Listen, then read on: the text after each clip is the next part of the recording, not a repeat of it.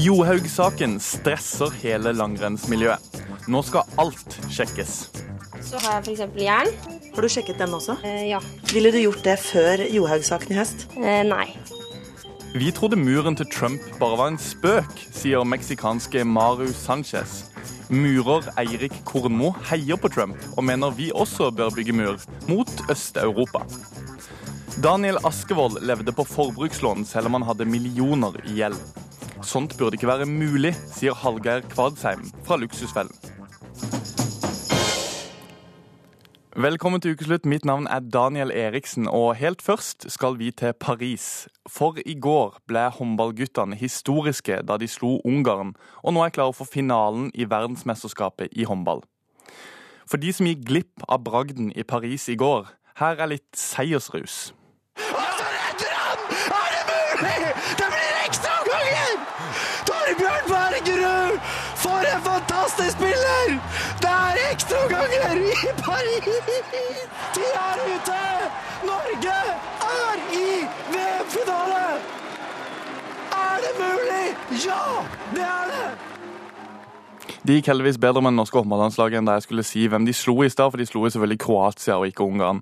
Eh, Jeg tror vi skal la kommentator Patrick Steen Rollins hvile stemmebåndene litt til finalen nå på søndag, men vi har med reporter Jan Magnus Weiberg Aurdal og håndballekspert og tidligere spiller Håvard Tveten. Åssen går det, gutter? Har dere fått sove av den verste lykkerusen? Ja, Daniel, vi eh, har vilt hvilt oss godt, vi. Det var en kjempekveld i går. Eh, vi har faktisk litt stemme igjen, i motsetning til det jeg tror Patrick har. Da. Han, han, skal få hvile i dag, og så er han tilbake i finalen i morgen. Nei, Det var en fantastisk kveld, nesten litt uvirkelig.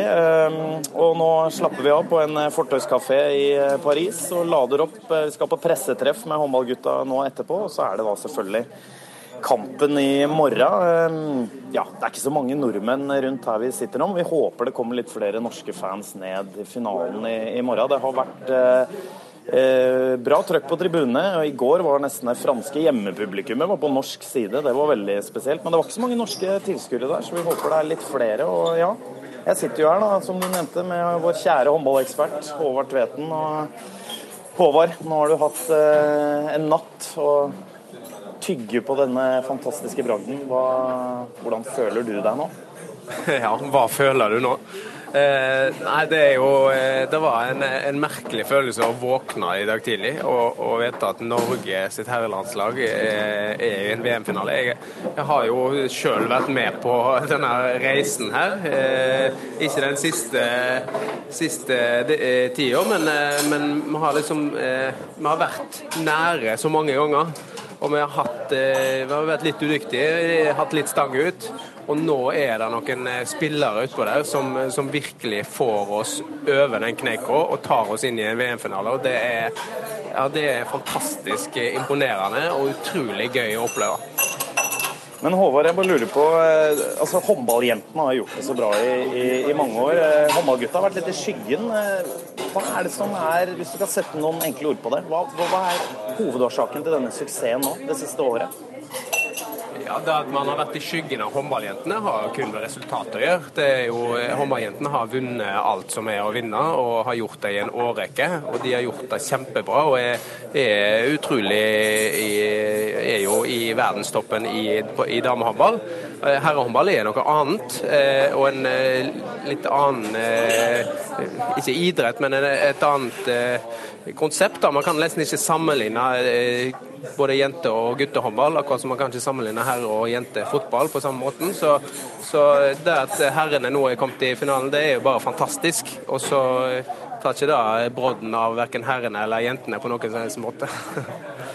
Nei, Vi gleder oss i hvert fall Daniel, til finalen i morgen. Vi skal ta et par kaffe til her og lade opp, og så må alle bare skru på P1 og følge den fantastisk spennende finalen i morgen. Tusen takk til dere, Jan Magnus Weiberg Audal og Håvard Tveten. Jeg har fått en murer og en meksikaner inn i Ukeslutt studio, så da vet du kanskje hva det skal dreie seg om? The Secretary of Homeland Security, working with myself and my staff, will begin immediate construction of a border wall. So badly needed. You folks know how badly needed it is. Han jobber som om det var hans siste dager som president, enn han så vidt har begynt. En av de tingene Donald Trump prioriterte denne uka, var muren mot grensen til Mexico.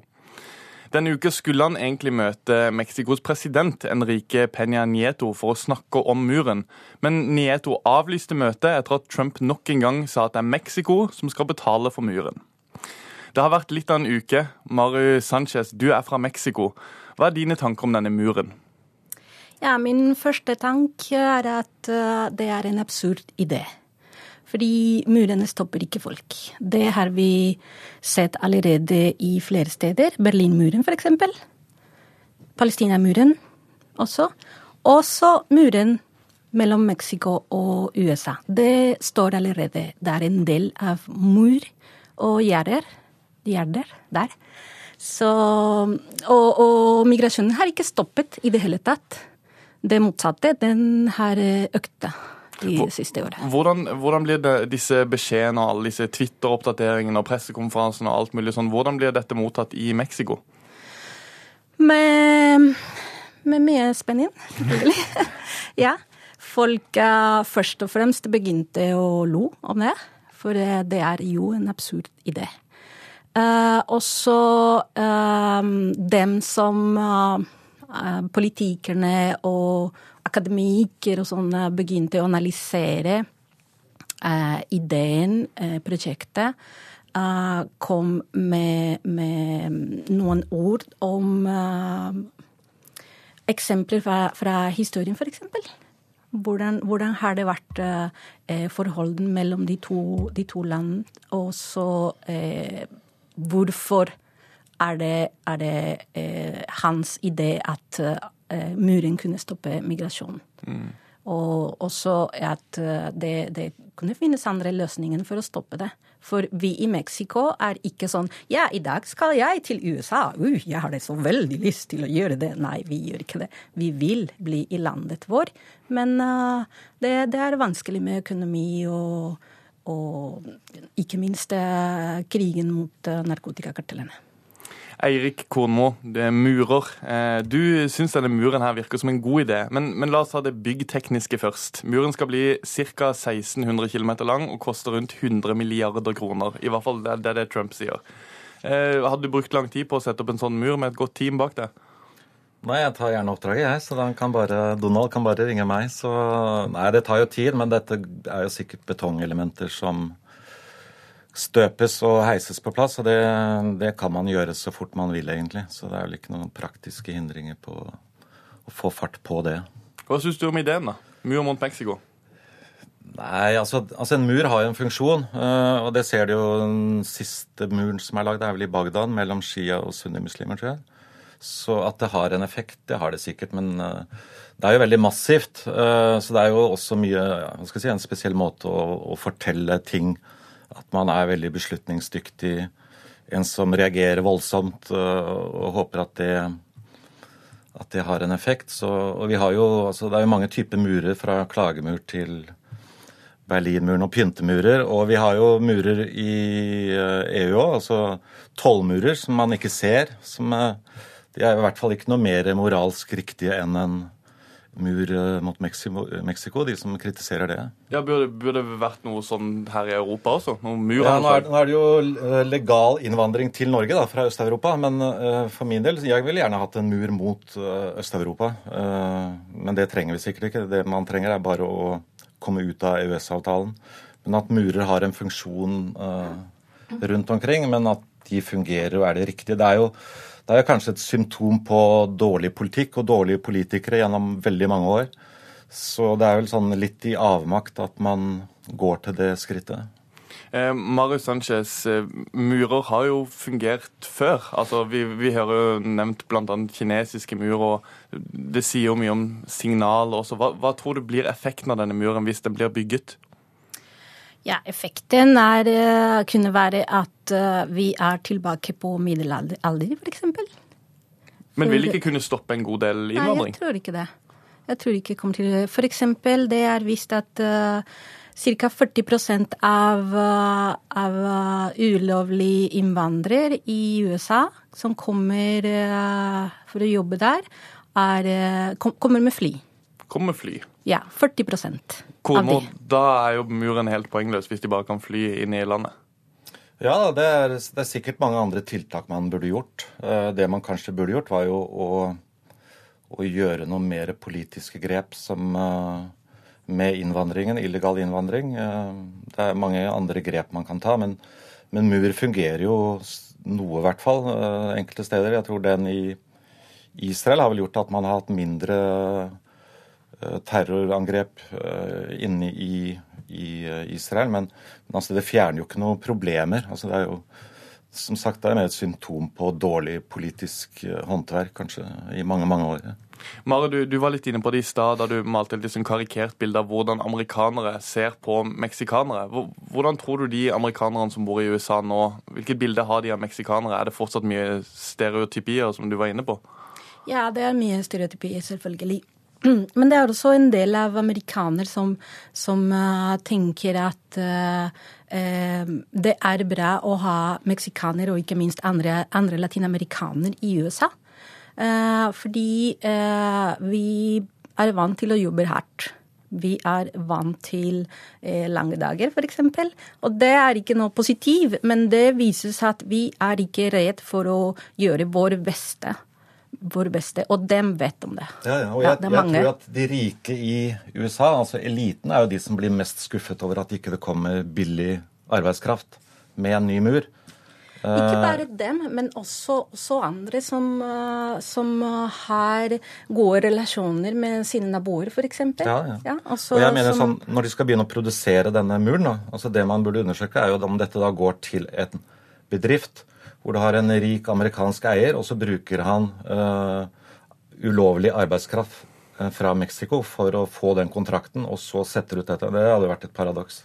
Det høres, ut som en, det høres litt ut som en sånn journalistisk type sak som Ja, kommer om et år. ja, det burde man sjekke opp virkelig, hvem som lager de elementene. Om det er brukt uh, meksikansk ulovlig arbeidskraft. Jeg tipper den amerikanske pressen skal, skal Ja. hive seg over det. Jeg vil bare bort fra det politiske litt eh, mot slutten her. fordi at Noen av de største arkitektoniske verkene har vært murer. Kinesiske mur, Klagemuren, Ja. Hadrians mur. Ja. Jeg vil spørre deg, Kornmo, om tror du at det er Donalds mur som står igjen etter at vi alle er borte? Ja, kanskje om øh, 100-200 år så blir det turistattraksjon. At du kan øh, dra dit og beundre den vakre Donald-muren. Jeg hørte fra noen av uh, meksikanerne kommer til å bruke det med en gang til å annonsere store parties. Ja. Vi sier tusen takk til dere, Marius Sanchez og Eirik Kornmo. Sirkus Johaug rullet videre denne uka. Hva har egentlig saken mot Therese Johaug betydd for det norske langrennsmiljøet? Landslagslegen mener dopingsaken har skremt utøvere, så mye at noen dropper å ta de medisinene de burde tatt. Reporter Camilla Skarra dro til Sjusjøen for å treffe ett av Norges skitalenter. Jeg har jo toalettmappa på badet, da. Eh, så her er da, har jeg f.eks. jern. Den er jo ganske safe. Eh, jeg snakket med også legen min før jeg begynte å ta den. Nydusjet og ferdig med dagens første treningsøkt viser 19 år gamle Karianne Moe fra Høybråten i Oslo meg toalettmappen sin. Her er bare vanlig fuktighetskrem. Langrennshåpet er på juniorlandslaget, men denne uken ligger hun i hardtrening på hytta på Sjusjøen. Håndkrem, ansiktskrem og jerntablettene har hun sjekket selv på Antidoping Norge sine sider. Hvor det er et sånt legemiddelsøk. Da kan du bare skrive opp navnet på den, og så kommer det opp om det er grønt lys, gult eller rødt. Så da er det grønt lys, og da er det helt greit å ta. Men dette er jo helt vanlige jerntabletter, men Ja. selv der så sjekker du. Ja, i hvert fall nå. Så er det lurt å sjekke, bare for å være på den sikre siden. Ville du gjort det før Johaug-saken i høst? Eh, nei, det ville jeg ikke. Før så hadde jeg kanskje litt den holdningen at ja, det går sikkert fint, herregud, det er ikke noe, det er ikke noe problem. Men nå er det litt mer den at det, det er bedre å sjekke én gang for mye en gang for lite, da. Karianne forteller at de har hatt foredrag med Antidoping Norge og tatt deres nettkurs, som bl.a. gir en innføring i dopingkontroller og hva utøverne bør være oppmerksomme på. Kurset tar også for seg det å kjøpe medisiner i utlandet. Ren utøver heter det, som vi har tatt på nettet. Jeg tror det er veldig lurt å friske opp i det. Kanskje hvert år at man tar sånne ting for å bli mer bevisst. Så er det viktig å få mye informasjon og, og få det til å bli en del av eh, hverdagen. Da. Norges Skiforbund kom i dag med flere strakstiltak etter disse to dopingsakene. Et av tiltakene etter Johaugs positive dopingprøve var å ansette Petter Olberg som ny sjeflege og medisinsk ansvarlig for langrennsløperne. Han sier utøverne har blitt preget av Johaug-saken. Jeg har jo hatt utøvere som ikke tør å bruke en vanlig eksemsalve, hydrokortison, eh, mot eh, vanlig eksem, fordi at eh, de er redd for at det kan være noen ting, så de, de venter heller da, eller ser om det kan gå over, eller Så det, det er klart, disse sakene her har gjort utøverne våre veldig stressa og redde, altså. Ifølge Olberg er det ikke veldig komplisert å sjekke produkter for å finne ut om de inneholder ulovlige stoffer. Det er relativt kurant å sjekke det her, men det, det er nok en overgangsperiode nå hvor, hvor folk er nokså paranoide i forhold til det her. Og det er klart at det betyr at det må brukes mye tid. Eh, og det må brukes eh, mye ressurser på å trygge utøverne eh, hver gang det skal gis en medisin. Men det er klart det, det, har fordeler og ulemper. Fordelene er at utøverne våre får et veldig bevisst forhold til, til, medisiner og når de skal bruke det og hva de kan bruke det. Ulempen som sagt er at det kan utsette behandling som, eh, som de ellers burde ha hatt. Da. Dopingsaken mot Johaug førte til at reglene ble endret. For mens Johaugs lege kjøpte en salve på apoteket i Italia etter egen vurdering, er det nå flere som sjekker medisinen.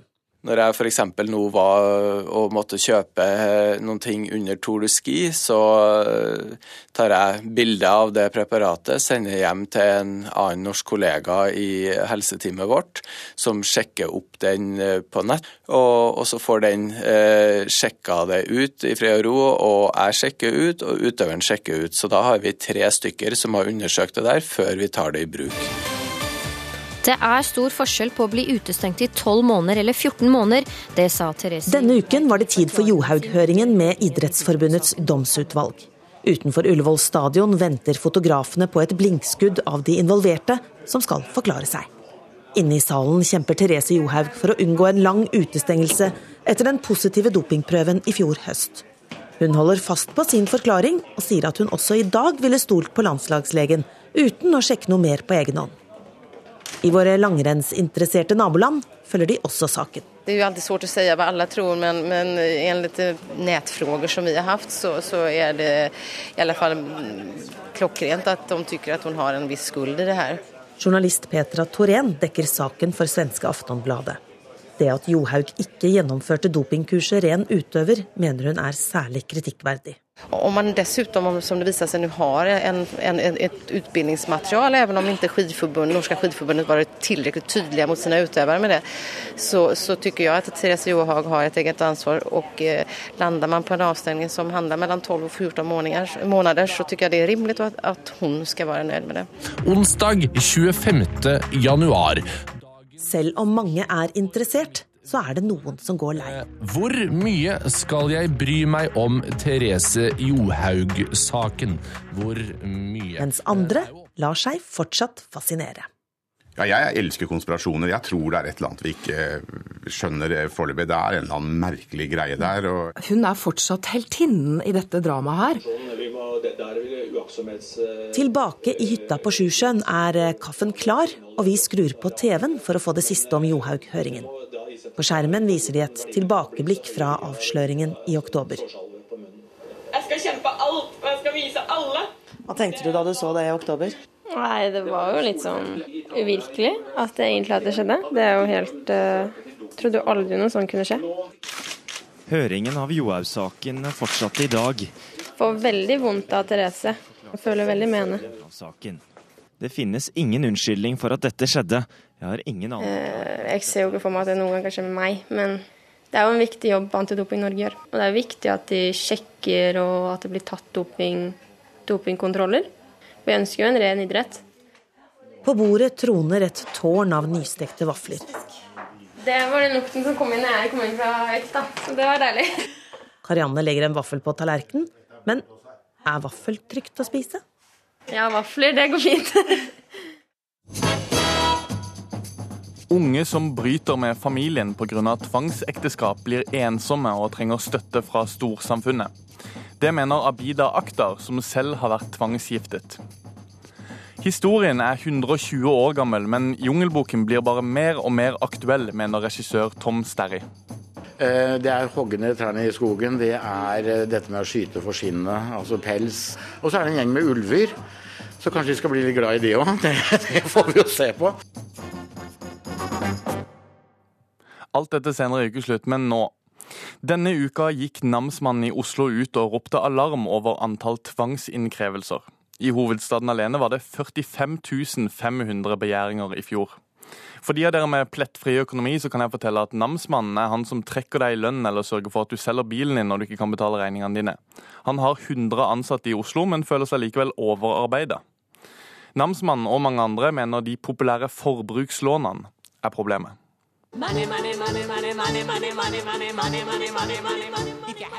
Har du forbrukslån eller kredittkortgjeld? Nei. Nei, det har ikke. Nei, det har jeg ikke. Eh, nei, det har jeg ikke. Ja. Skal jeg si hvor mye også? Kan du si det? 62 000. Vet du hva du har brukt det på? Ja. Polet. Ok. Ikke bare det, det er også ute liksom, på restauranter og sånne ting. Bare sosialt mest. Ja.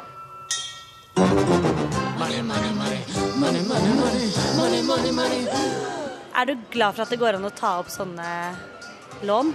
Selvfølgelig, ellers så kunne jeg ikke liksom levd sånn som jeg vil leve. Og så glemte jeg å si også jeg har vært på ferie, da. Og jeg hadde aldri dratt på ferie hvis ikke jeg hadde hatt kredittkort.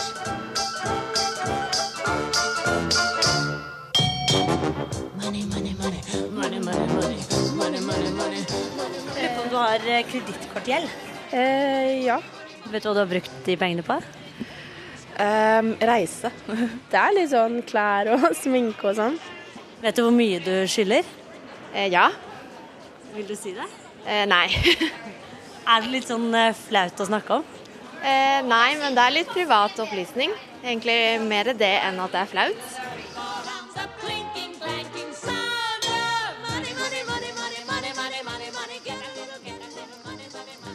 Daniel Askvold, eh, denne uka så gikk du ut med din økonomiske historie, noe ikke så veldig mange nordmenn har gjort, i eh, Luksusfellen. Eh, På et punkt hadde du 2,6 millioner i, i forbruksgjeld. Hvordan gikk det til?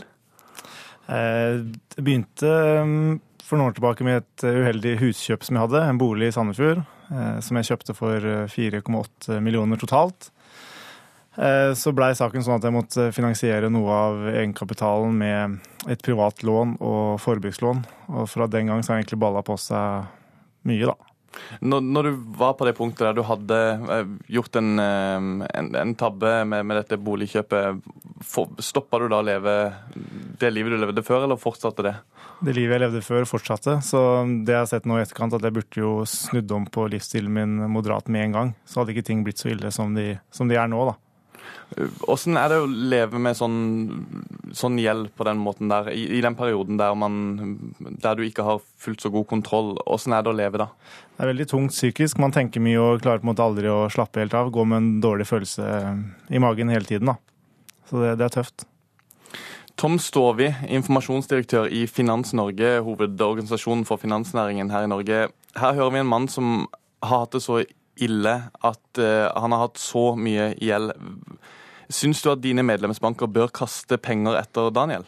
Ja, nå, jeg kan ikke kommentere hva som har skjedd i Daniel sin, eh, sin sak, og hvordan eh, det har gått til at han har fått så høy gjeld etter hvert. Men jeg unner jo ingen å komme i den situasjonen som Daniel er kommet i.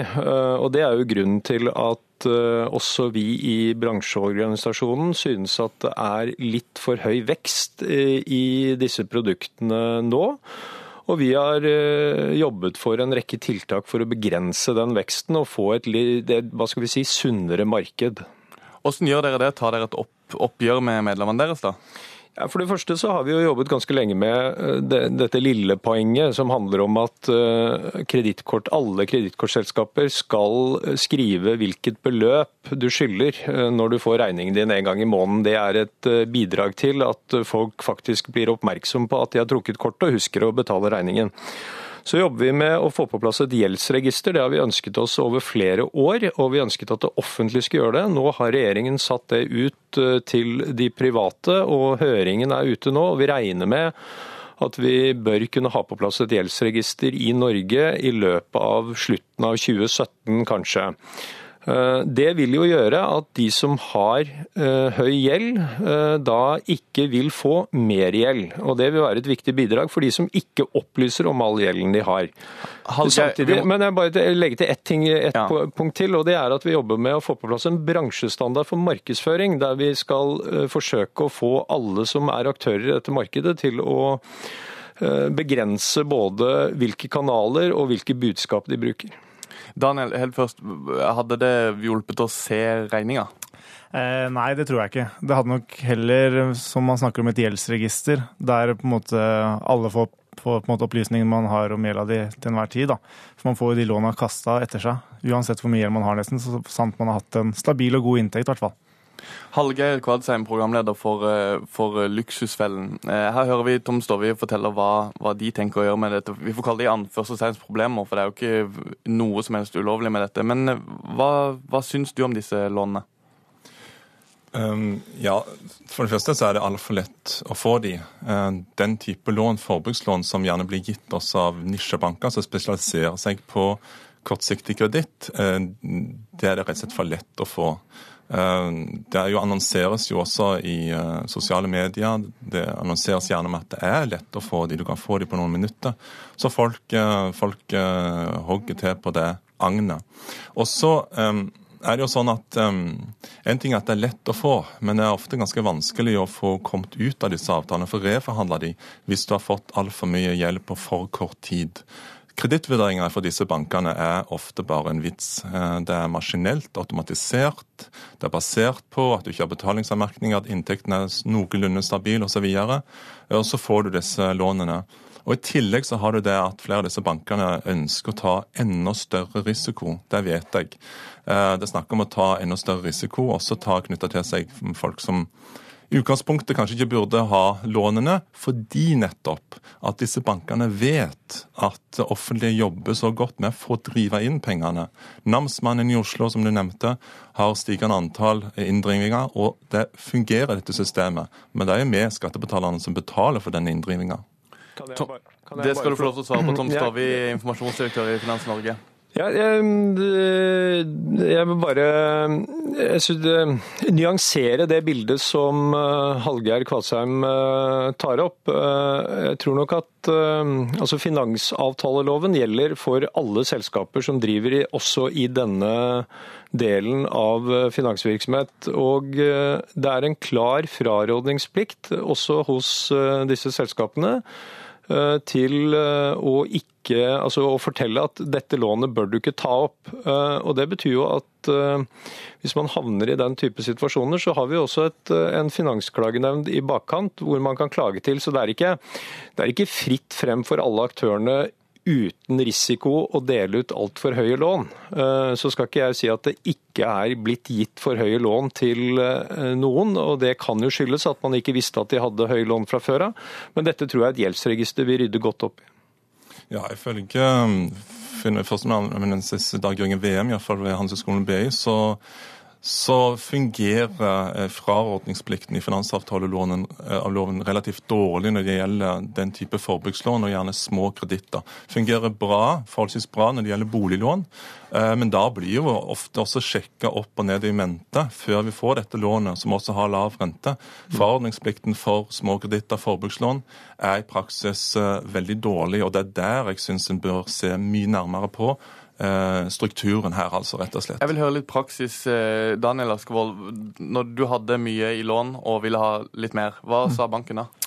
Eh, Hvis man i den knipa jeg var i, der jeg trengte penger veldig kjapt for å få ting til å gå rundt, så søkte jeg forskjellige steder, og det, eller man kom alltid til et punkt der noen sa ja. Eh, For det er som Hallgeir sier, at det går, virker som det er veldig automatikk da, i den søknadsprosessen. Du får svar i løpet av noen minutter, og du får et brev at noen har sjekka om du har betalingsanmerkninger. Og i mitt tilfelle så hadde jo ikke jeg det, for jeg betalte jo på en måte regningen min hele tiden. Og hadde en høy inntekt, og da fikk jeg lån og kredittkort i hytt og gevær hele tiden. Tom Stovi, du skal få, du skal få slippe å, å kommentere enkelttilfeller, men, men flere snakker om at bankene bør ha strengere krav, krav til hvem de gir ut lån til, og sjekke det bedre. Er du enig i at det er for mange som får lån som de ikke burde hatt? Uh, ja, det er jo, Hallgeir Kvadsheim har jo illustrert dette veldig bra gjennom sitt TV-program Luksusfellen, så det er jo vanskelig å mene at ikke det finnes mange eksempler der ute som har fått for mye forbrukslån.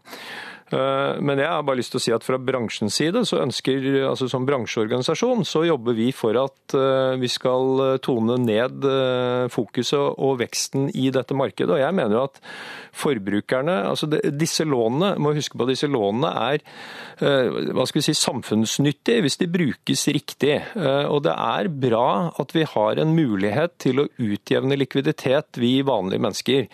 Eh, det er jo sånn at Noen ganger så er kostnadene våre høyere eh, i noen måneder, og så har vi inntekter som er høyere enn forbruket i de andre månedene. og Da kan vi raskt og hurtig nedbetale den, det bidraget vi kan få gjennom sånne forbrukslån. Eh, man kan ha sånne eksempler som at bilen må på reparasjon, og du har ikke 30 000 på konto. Du bestiller ferieturen din i mai og, ned, og betaler den med feriepengene når de kommer en måned senere eller tre ikke, måneder senere. Det er vel ikke så, disse lånene som blir markedsført? Nei, men det er sånn jeg mener disse produktene skal brukes. og Det er sånn jeg mener forbrukerne skal huske på at disse produktene er der for. Sånn at eh, jeg, jeg vil bare si at hvis du har forbruk som over tid er høyere enn inntektene dine, ja da er ikke dette produkter du skal bruke i det hele tatt. Kvadsheim, det er ikke alltid like lett å være på lag med store banker med mye penger, men han har jo et uh, poeng her, eller? Ja, nå representerer så står vi en ganske stor uh, og variert mengde banker. Og de etablerte bankene uh, har noen bedre retningslinjer også enn en del av disse nye aktørene. Det er de vi sliter mest med. Det er de som gir avslag gjerne på våre forslag, og det er de som har rett og slett litt eh, merkverdige, eh, merkverdige argumentasjoner for hvorfor f.eks. en person eh, skal få reforhandla gjelda si. Det er der vi mener fokuset bør være. De etablerte bankene oppfører seg stort sett da ganske ganske ålreit. Men det er små aktører som etter hvert har blitt ganske store.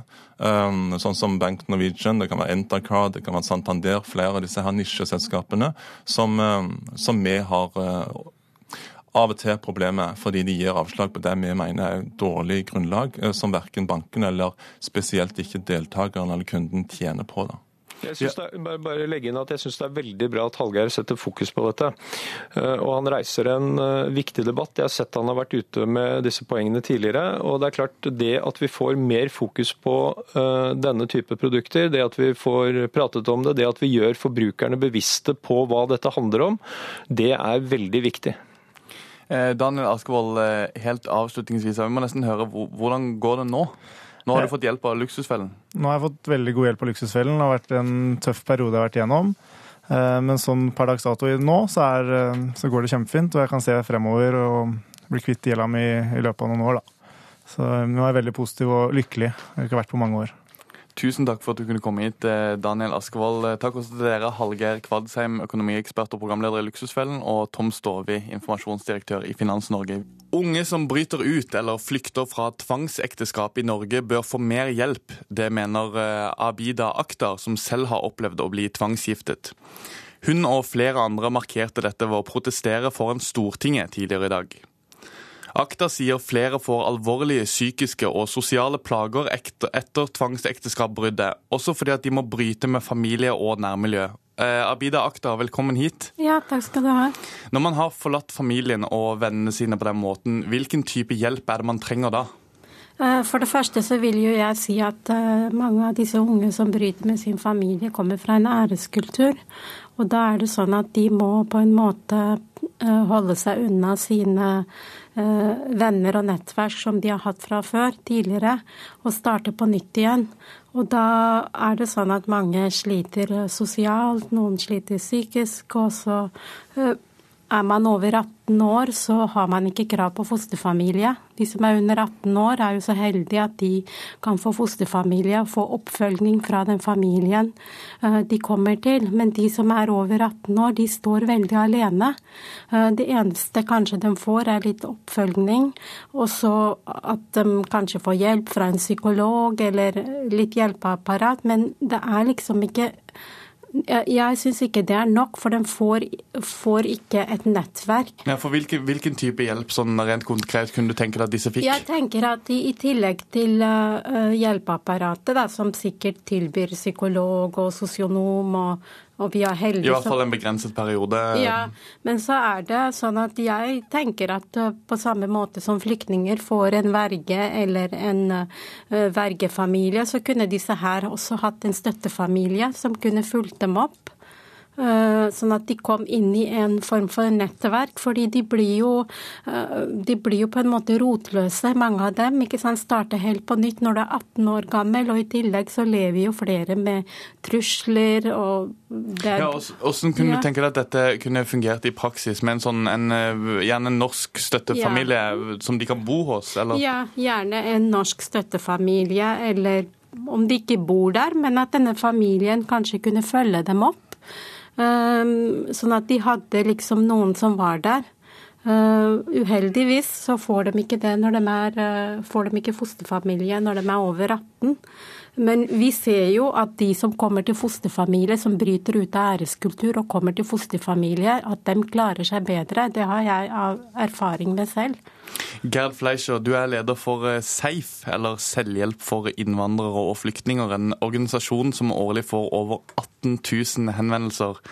Hvordan tror du det vil kunne fungere med en sånn ordning som vi hører her, en støttefamilieordning?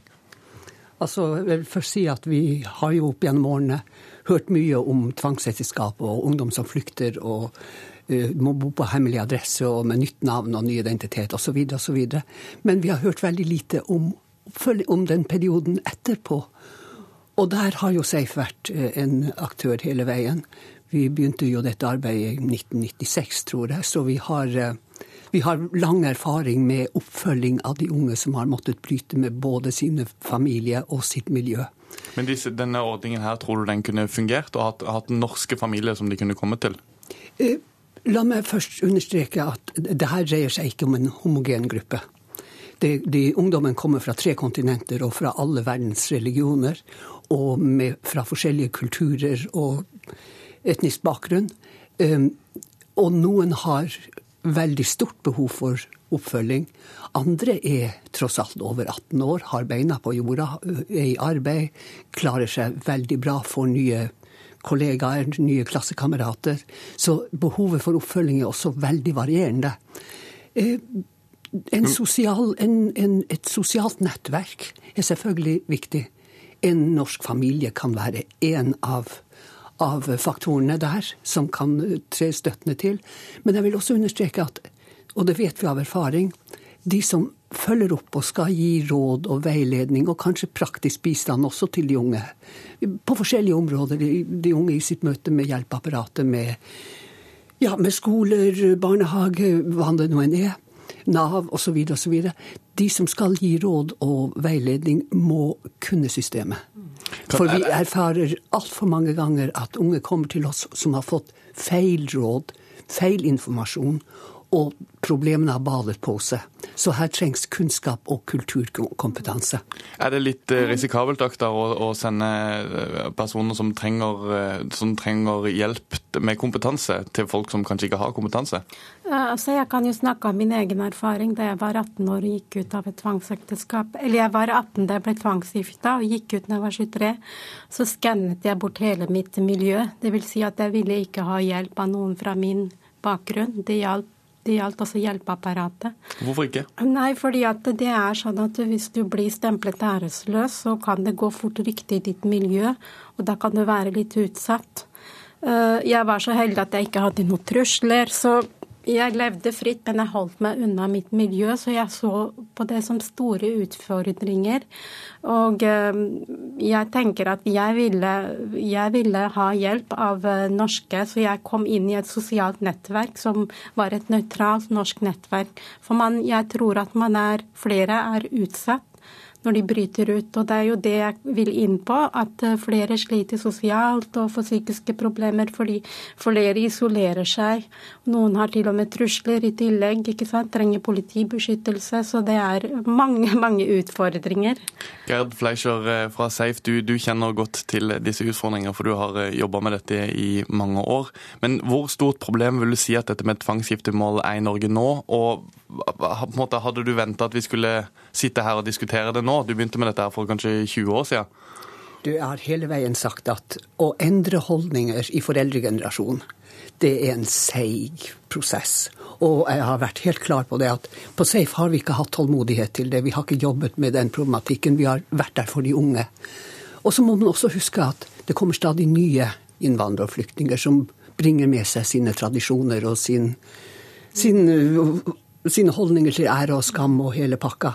Sånn at det her, jeg tror ikke vi blir arbeidsledige de neste 20 årene. Nei, Snakker vi om et uløselig problem?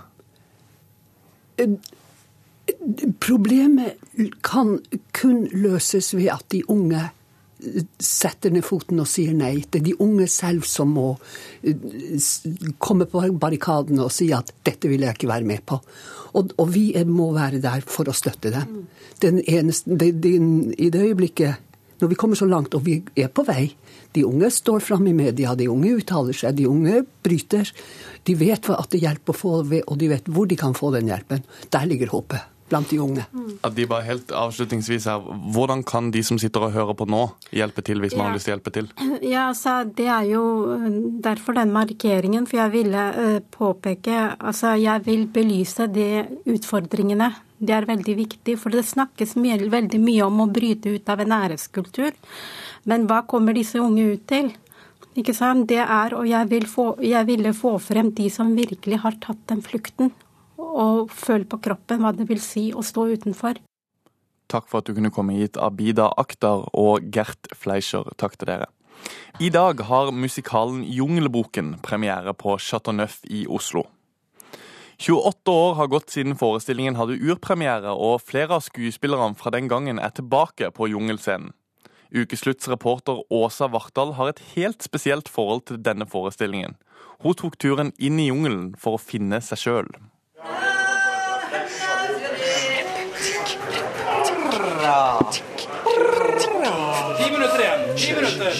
En bjørn med permanent, ugler med hijab, en snikende blå panter. Spente og konsentrerte dyr med nebb og snuter vrimler rundt meg bak scenen på Chateau Neuf i Oslo. Her føler jeg meg hjemme. Da, da tar vi det fra Mowgli, bare sluttposen på Mowgli. Dagen før. Mens Oslo ligger kald, glatt og grå utenfor, nærmest damper det fra den fargesterke jungelscenen der regissør Tom Sterri lærer ulveguttene å telle. Dere begynte jo fort. 1, 2, 3, 4, 5 Nei! Langsomt. Før han selv går inn i rollen som bjørnen Baloo. Det første du må lære, er å være der du er, og ikke være der hvor du er. Rollen han også hadde for 28 år siden, da musikalen basert på Røyard Kiplings klassiker om Mowgli som vokser opp hos ulvene, hadde urpremiere på Bryggeteatret i Oslo. Sterri mener forestillingen er minst like aktuell nå som den var den gangen. Mye av det som er i forestillingen er mer aktuelt i dag enn det var for 28 år siden. De dreper for pelsen og slår oss. De hogger ned trærne i Det er hoggende trærne i skogen, det er eh, dette med å skyte for skinnet, altså pels og osv., som kanskje er enda mer i fokus nå. Og så er det en gjeng med ulver.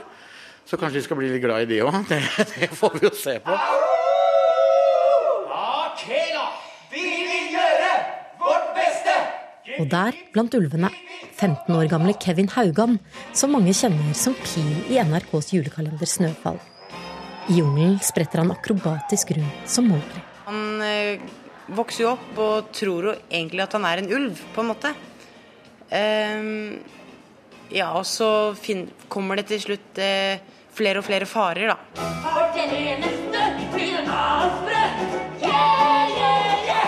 Jeg tror jeg fortsatt kan alle replikkene til Mowgli. Og, og kjenner de på en måte Han her har jeg kjent i nesten 30 år. Kim Wiflat var Mowgli i 1989. Nå har han vokst inn i en litt annen rolle. Tabaki, da. Han er ikke akkurat helten i stykket, for å si det sånn. Det er det motsatte. Han er jo den lavest på, rangst lavest på rangstigen i Shere Khans følge. Så han er en antihelt, og det er, litt, det er deilig å stille Det er motstykket motstykke til Mowgli, faktisk. Nå er jeg stor, passer meg selv, men det kan være fint å få litt følge likevel. Og 80-tallets Mowgli innser at han har lite å lære dette millenniumets hovedperson. Han klarer seg veldig godt uh, selv, altså. Uh, det blir jo som en, en, gammel PC skal lære en ny Mac å uh, skrive, nesten. ikke sant? Det blir det samme. Mia-kostymet er her. Det har også blitt litt mer sånn Jeg vet egentlig ikke helt hva de har tenkt, men det er i hvert fall en rutete kjole. Når jeg møter 15 år gamle Maren Walter, som skal spille Mira, jenta fra menneskelandsbyen som Mowgli møter når hun er ute for å sanke ved, skjønner jeg akkurat hva han mener. For her er jeg, tolv år gammel, i rollen som Mira den gangen i 1989.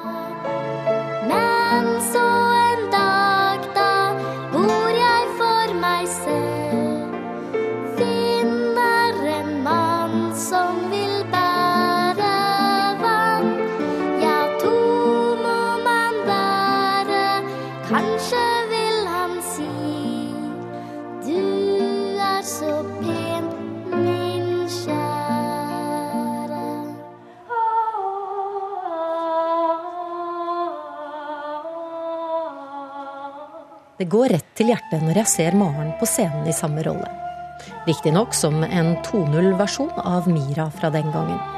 Og i kvinnesakens navn, med noen nødvendige justeringer i teksten. Vi har gjort om litt på teksten, faktisk, så det ikke skal bli så eh, at, at en jente ikke kan klare å gjøre det selv, men på en måte at det, hun heller er litt sånn at hun vil ha hjelp, da. At det ikke er sånn at hun ikke klarer det selv. Ja.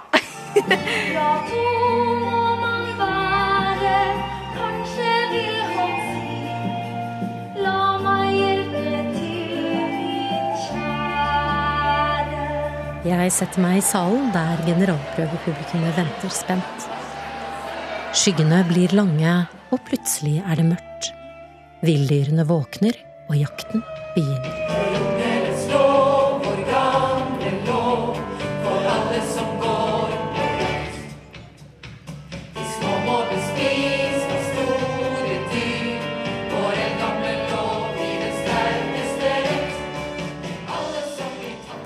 Hørte vi reporter Åsa Vartdal som fikk et eh, gjensyn med både jungel og barndom. Men nå sitter jeg her med Jon Smits, så da er spørsmålet blir det noe vær?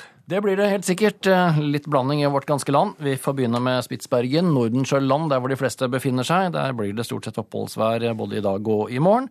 Og nordvest bris i dag, og stort sett øst og nordøst bris i morgen. Litt eh, økende. Finnmark får ja, litt grann snø kan det komme i de sørlige og de vestlige områdene i dag, med regn på kysten, men det er bare små mengder. Vinden øker til sørlig liten kuling. Og søndag da blir det stort sett oppholdsvær, men ytterligere vindøkning til sørvest opp i stiv kuling. Troms og Nordland oppholdsvær fra i kveld etter litt nedbør nå. Søndag etter hvert eh, noen regnbyger med snø i høyden, og det blir sørlig stedvis liten kuling, og den øker litt til sør og sørvest opp i stiv kuling i morgen. Så får vi for det meste oppholdsvær i Trøndelag eh, i dag, eh, også i Møre og Romsdal. Eh, Der kan det komme litt spredt regn. Og oppholdsvær først på dagen på søndag. Senere kommer det litt regn av og til i begge fylkene, med snø i høyden. Vestlandet sør for Stad. Her er det sørøst stiv og stedvis sterk kuling i dag, og periodevis litt regn, men lite nedbør i Rogaland. Snø i høyden.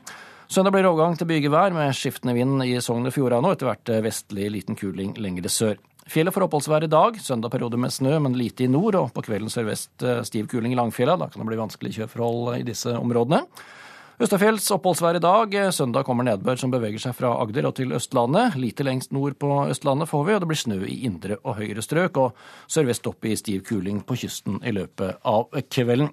Temperatur klokken 13. Tromsø 3, Trondheim 1, Bergen 5, Kristiansand 4 og Blindern 0 grader.